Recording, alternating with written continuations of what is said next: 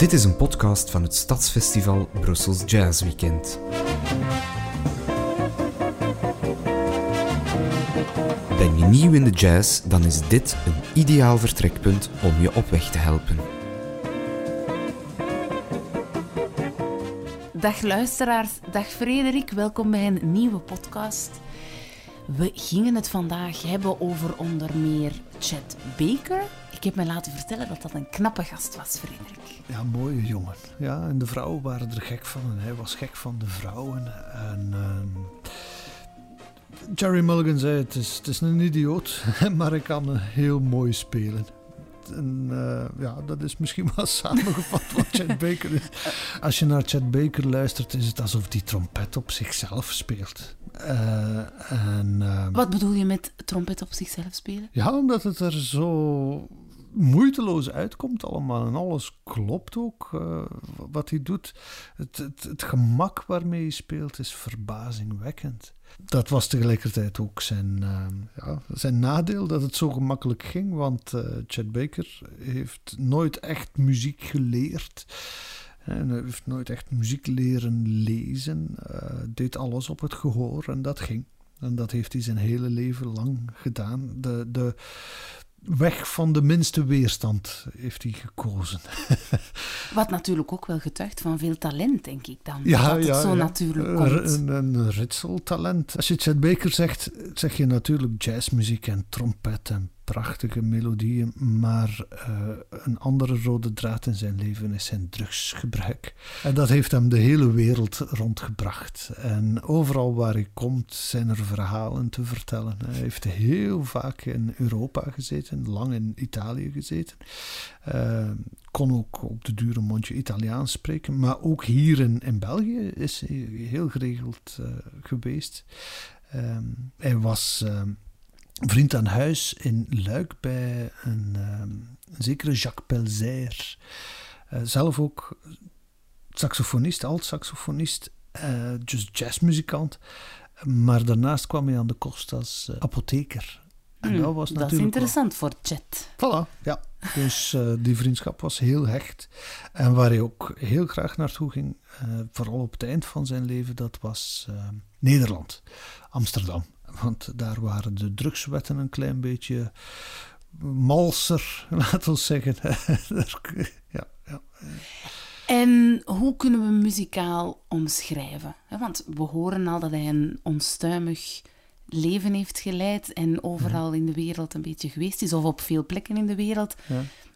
Zullen we misschien beginnen met een nummer en hem een beetje situeren muzikaal? Ja, we, we, hebben hem vorige week voor het eerst gehoord in die band van Jerry Mulligan. En Jerry Mulligan is echt wel verantwoordelijk voor uh, de start van de carrière van Chet Baker. Uh, maar al heel snel merkte zelfs Jerry Mulligan dat mensen verleid werden door die goede looks en die, die heel romantische speelstijl van Chet Baker. En wanneer uh, de beiden worden gearresteerd voor uh, drugsbezit, zal uh, Jerry Mulligan de, de schuld op zich nemen en achter de tralies belanden. En het is op dat moment dat Chet Baker zijn solo-carrière gaat lanceren. Eigenlijk wat de mes in de rug steken mm. van Mulligan, die op dat moment niet anders kon. En um, een van de stukken die ze samen al hadden gespeeld, uh, zal later ook een van de lijfstukken worden van uh, Chad Baker. Dat is My Funny Valentine. Hier gaat Chad Baker zingen. En toen ik het voor het eerst hoorde, wist ik niet goed: is dit nu een man of een vrouw? Het, heeft iets heel androgyns, de, de stemkleur van Baker. En dat voegt weer al toe aan dat mysterieuze, aantrekkelijke dat over die man hangt. My Funny Valentine. My funny Valentine, sweet comic Valentine. Make me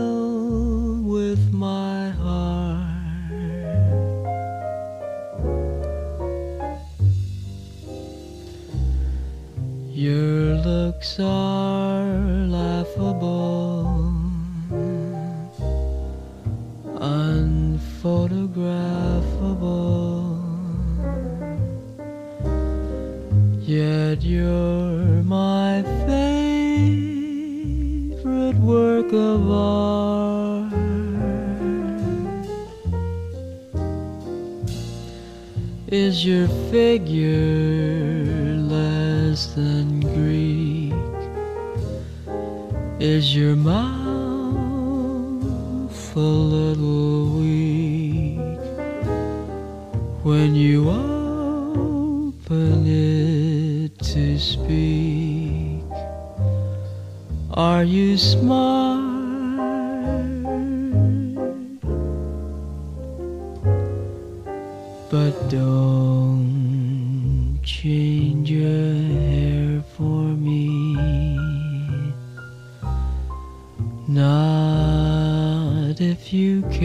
For me. Stay, little Valentine. Stay.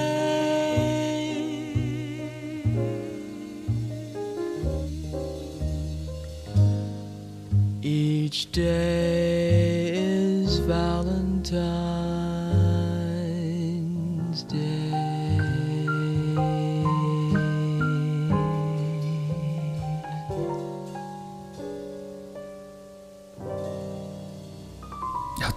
Chet Baker hangt aan elkaar van de kleurrijke anekdoten. Ik weet nauwelijks waar ik moet beginnen. Hij zit in, ehm, in eh, Italië voor het eerst en eh, hij laat zijn vrouw overkomen en die zet hij onmiddellijk in, een soort drugstrafiek tussen Italië en Duitsland. Want eh, ik kwam erachter dat er een soort ja, pijnstiller was, dat als je die in genoeg dosissen nam, dan kreeg je min of meer dezelfde high als een heroïne shot. Dus zijn vrouw ging altijd over heen en weer naar Duitsland om genoeg palfine, denk ik dat het heet, in te slaan. En eh, op een gegeven moment gebeurt het onvermijdelijk en ze wordt tegengehouden, ze wordt gearresteerd. En eh, het komt tot een proces eh, dat breed uit in de Italiaanse pers wordt uitgesmeerd als het processo delle vipere. Het proces van de adders. Omdat iedereen de ander in de enkel bijt, bij wijze van spreken. Chad Baker zegt, ik weet van niks. Die nam het niet eens op voor zijn vrouw. Nee, hij zegt, eh, ja, de, de, ik ben in die hele business niet betrokken. En ondertussen heeft hij een nieuwe minnares, een, een soort eh, showdanseres, een Engelse, eh, die, die dat hele proces aanneemt als, als een, de ideale manier om zich in de kijker te, te werken. Dus komt daar in prachtige eh, pakjes toe en laat zich fotograferen. En eh, Chad Baker belandt op dat moment in de gevangenis. De, zoon van de gevangenisdirecteur is een grote fan en hij krijgt het privilege om zijn instrument mee te nemen in, in de cel. En dan speelt hij, terwijl de avond valt, eh, hoor je over de stad die eenzame tonen van die trompet van eh, Chad Baker. En dan komt hij vrij uit de gevangenis en maakt hij een comebackplaat in Italië. En dat doet hij met Belgische muzikanten. Eh, met gitarist René Thomas en met de saxofonist Bobby Jaspar. De plaat heet Chad's Back, heel toepasselijk. en het is misschien wel een van zijn beste, meest jazzy platen. Gaan we naar iets luisteren uit die plaat? Ja, we luisteren naar het openingstuk en dat is er meteen stevig op. Het is een eh, klassieker van Thelonious Monk, Well You Needn't.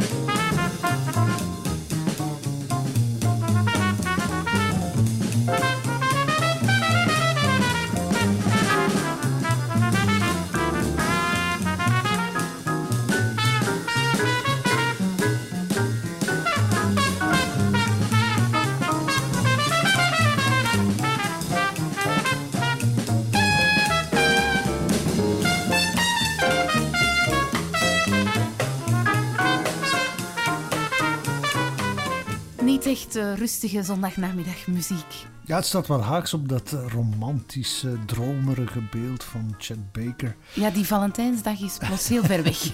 ja, maar het toont ook wel mooi aan hoe een fantastische jazzmuzikant hij was. Hè. En, uh, ik, kon, kon wel degelijk allerlei stijlen aan. In de jaren 60 zal, zal hij een dieptepunt kennen. Uh, op een gegeven moment, maar ergens midden de jaren 60, wordt hij uh, tegengehouden door een. Ja, weer zo'n schimmig verhaal. Hè. In, in, in de eerste versie is het één man en, en in de volgende versie wordt het er twee. En op de duur, hoe meer dat hij het navertelde, was het een heel leger dat hem uh, tegenhield en ze kloppen zijn tanden uit. Waarom? Dat is nooit echt duidelijk geweest. Men vermoedt dat het een soort represaille is van een drugsbaas die zijn geld niet gekregen had van Chet Baker en daarom maar het kostbaarst dat een trompetist heeft, namelijk zijn tanden, laat uitkloppen. Dat is ja, embouchure, dan kan je niet meer spelen. Het is rond die periode dat hij dan met een heel goedkoop uh, vals gebit uh, aan de slag gaat. En het is um, Herb Alpert die hem onder, onder zijn vleugels neemt. En Herb Alpert, dat uh, is de man van de Mariachi Brass. De mariachis uit Mexico? Ja, de mariachis uit Mexico. Die okay. sound, die sound daar, daar wordt hij uh, onwaarschijnlijk populair mee. Er is zo één plaat van, van een vrouw die in een berg slagroom zit. Um, whipped cream and other delights, denk ik. En je vindt die overal op elke rommelmarkt en in elke kringloopwinkel ligt die plaat. Een van de best verkochte platen ooit. En daar had hij dus Herb Alpert zijn fortuin mee gemaakt, maar hij was tegelijkertijd een grote fan van Chet Baker. En hij nodigt hem uit om samen met de mariachis platen te maken. Dus er zijn een aantal platen van Chet Baker met mariachis op de achtergrond. Voor, voor echte jazzliefhebbers is dat echt wel een, een dieptepunt in zijn carrière. Maar gelukkig gaat het langzaamaan ook wel bergop met hem. De, de drugs zal hij nooit achterlaten. Maar hij heeft altijd zin om te werken. Hij blijft altijd werken. En dat is wel opmerkelijk. En tegen de jaren tachtig heeft hij een uh, Nederlandse manager, Wim Wicht heet die man, als ik me niet vergis, die hem toch meer en meer op de baan houdt. En hij speelt nog steeds uh, vaak mee met Belgische muzikanten. Hij heeft een fantastisch trio met de gitarist Philippe Catherine. En daar zit ook een Belgische bassist bij, dat is Jean-Louis Rassin-Vos. Prachtige platen maken ze samen. Chat's Choice is zo'n een van de meesterwerken van die hele carrière. En hij zal ook uh, om het leven komen hier dichtbij in, in Amsterdam, sterft hij. En ook alweer wat mysterieuze omstandigheden. Uiteraard. Uiteraard. Men vindt hem uh, naast een van die Amsterdammetjes. Hij is uit het raam van zijn hotel gevallen. Sommigen zeggen misschien is hij wel geduwd uit het raam. En wat gebeurt er ondertussen nog aan de westkust van Amerika? Ja, wel, de allergrootste is uh, waarschijnlijk Dave Brubeck.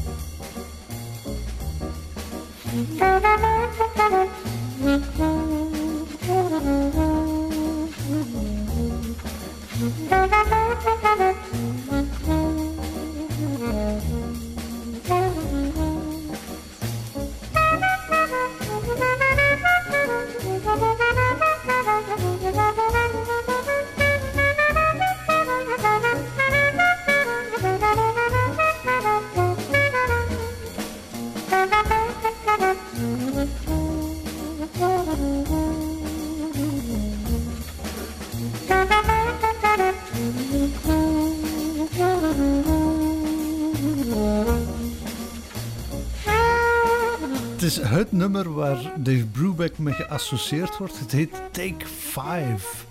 Net omdat het niet in 4-4 staat, zoals heel veel jazzmuziek. Hè, vier tellen per maat, maar je moet vijf keer tellen per maat. En dan heb je zoiets als 1, 2, 3, 4, 5, 1, 2, 3, 4, 5, 1, 2, 3, 4, 5, 1. Dus eh, een telletje te veel. Beetje gek. Ook een beetje gek is dat dit nummer helemaal niet van Dave Brubeck is. het is van de man die je hier hoort spelen, de alt-saxofonist Paul Desmond. En uh, het is deel van een plaat die in 1959 gemaakt wordt. Ze heet Time Out. Uh, en uh, het is typisch voor die West Coast stijl en voor de cool en het experiment dat zij ondernemen. Zij willen um, duiken in allerlei parameters van muziek gaan proberen, zoals Jerry Mulligan dat gedaan had, laat ons eens die harmonieën ervan weghalen en met contrapunt experimenteren.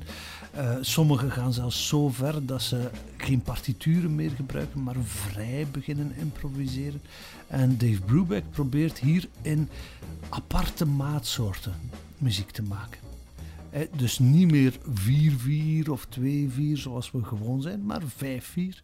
Of het openingstuk van die plaat. Blue Rondo à la Turk. Het doet al een klein beetje denken aan à la Turca. En dat is een van de laatste bewegingen van een sonate van Mozart. Die Mozart had geschreven, ja, geïnspireerd op de Turkse muziek. Hè. Destijds in Wenen, de Turken stonden aan de muur van Wenen. Brengen niet alleen koffie mee, maar ook hun muziek. En dit is ook wat geïnspireerd op Turkse uh, volksmuziek, Anatolische volksmuziek. En veel van die muziek staat in 9 8. Het leuke is dat Dave Brubeck die 9-8 op twee verschillende manieren gaat onderverdelen. Je hebt enerzijds 3 keer 2, dan heb je 6. En daar voeg je nog 1 keer 3 aan toe, dan heb je 9. Klopt hè? Dus 3 keer 2, 1 keer 3. Maar een andere manier om dat te verdelen is gewoon 3 keer 3. Wat doet Dave Brubeck nu? Hij gaat ze allebei samen doen. Luister. Hè.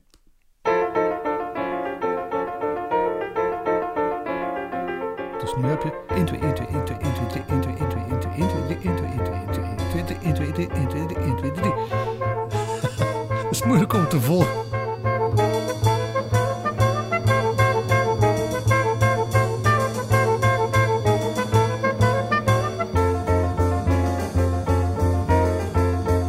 Kunt ook met een beetje culinair maken en taco, taco en burrito zeggen. en dan heb je taco, taco, taco, burrito, taco, taco, taco, burrito, taco, taco, taco, burrito, burrito, burrito, burrito. Enzovoort.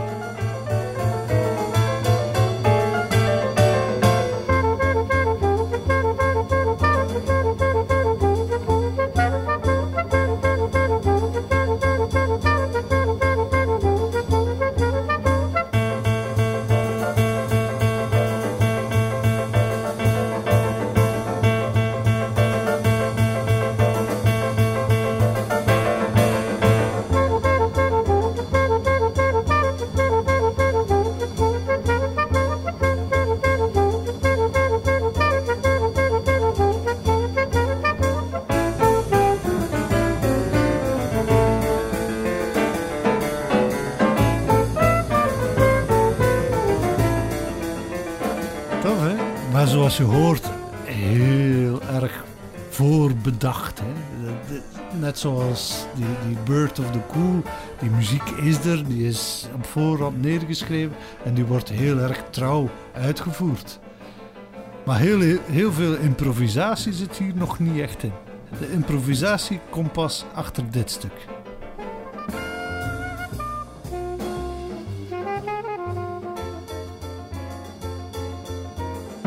Hier komt die blue rondo. Als ze beginnen improviseren, is het gewoon 4-4. En dan nog een van de meest voor de hand liggende progressies blues.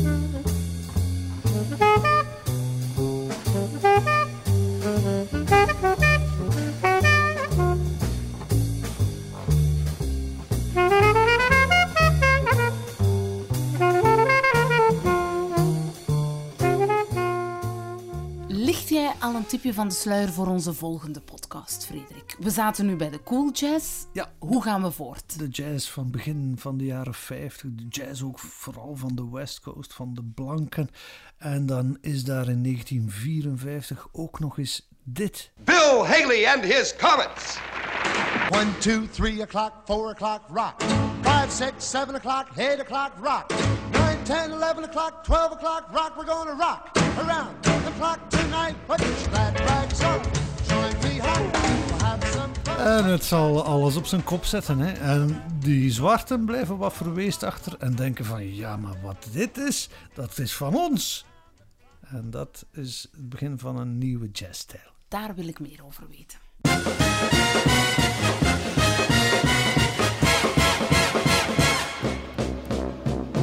Bedankt Ellen Leemans en Frederik Goossens.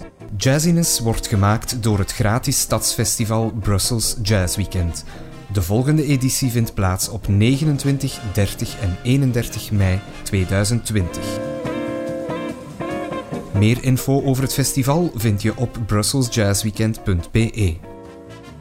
Abonneer je op de podcast om op de hoogte te worden gehouden wanneer nieuwe afleveringen verschijnen. Vind je dit een leuke podcast? Geef ons dan een goede review. Zo worden we ook makkelijk gevonden door nieuwe luisteraars.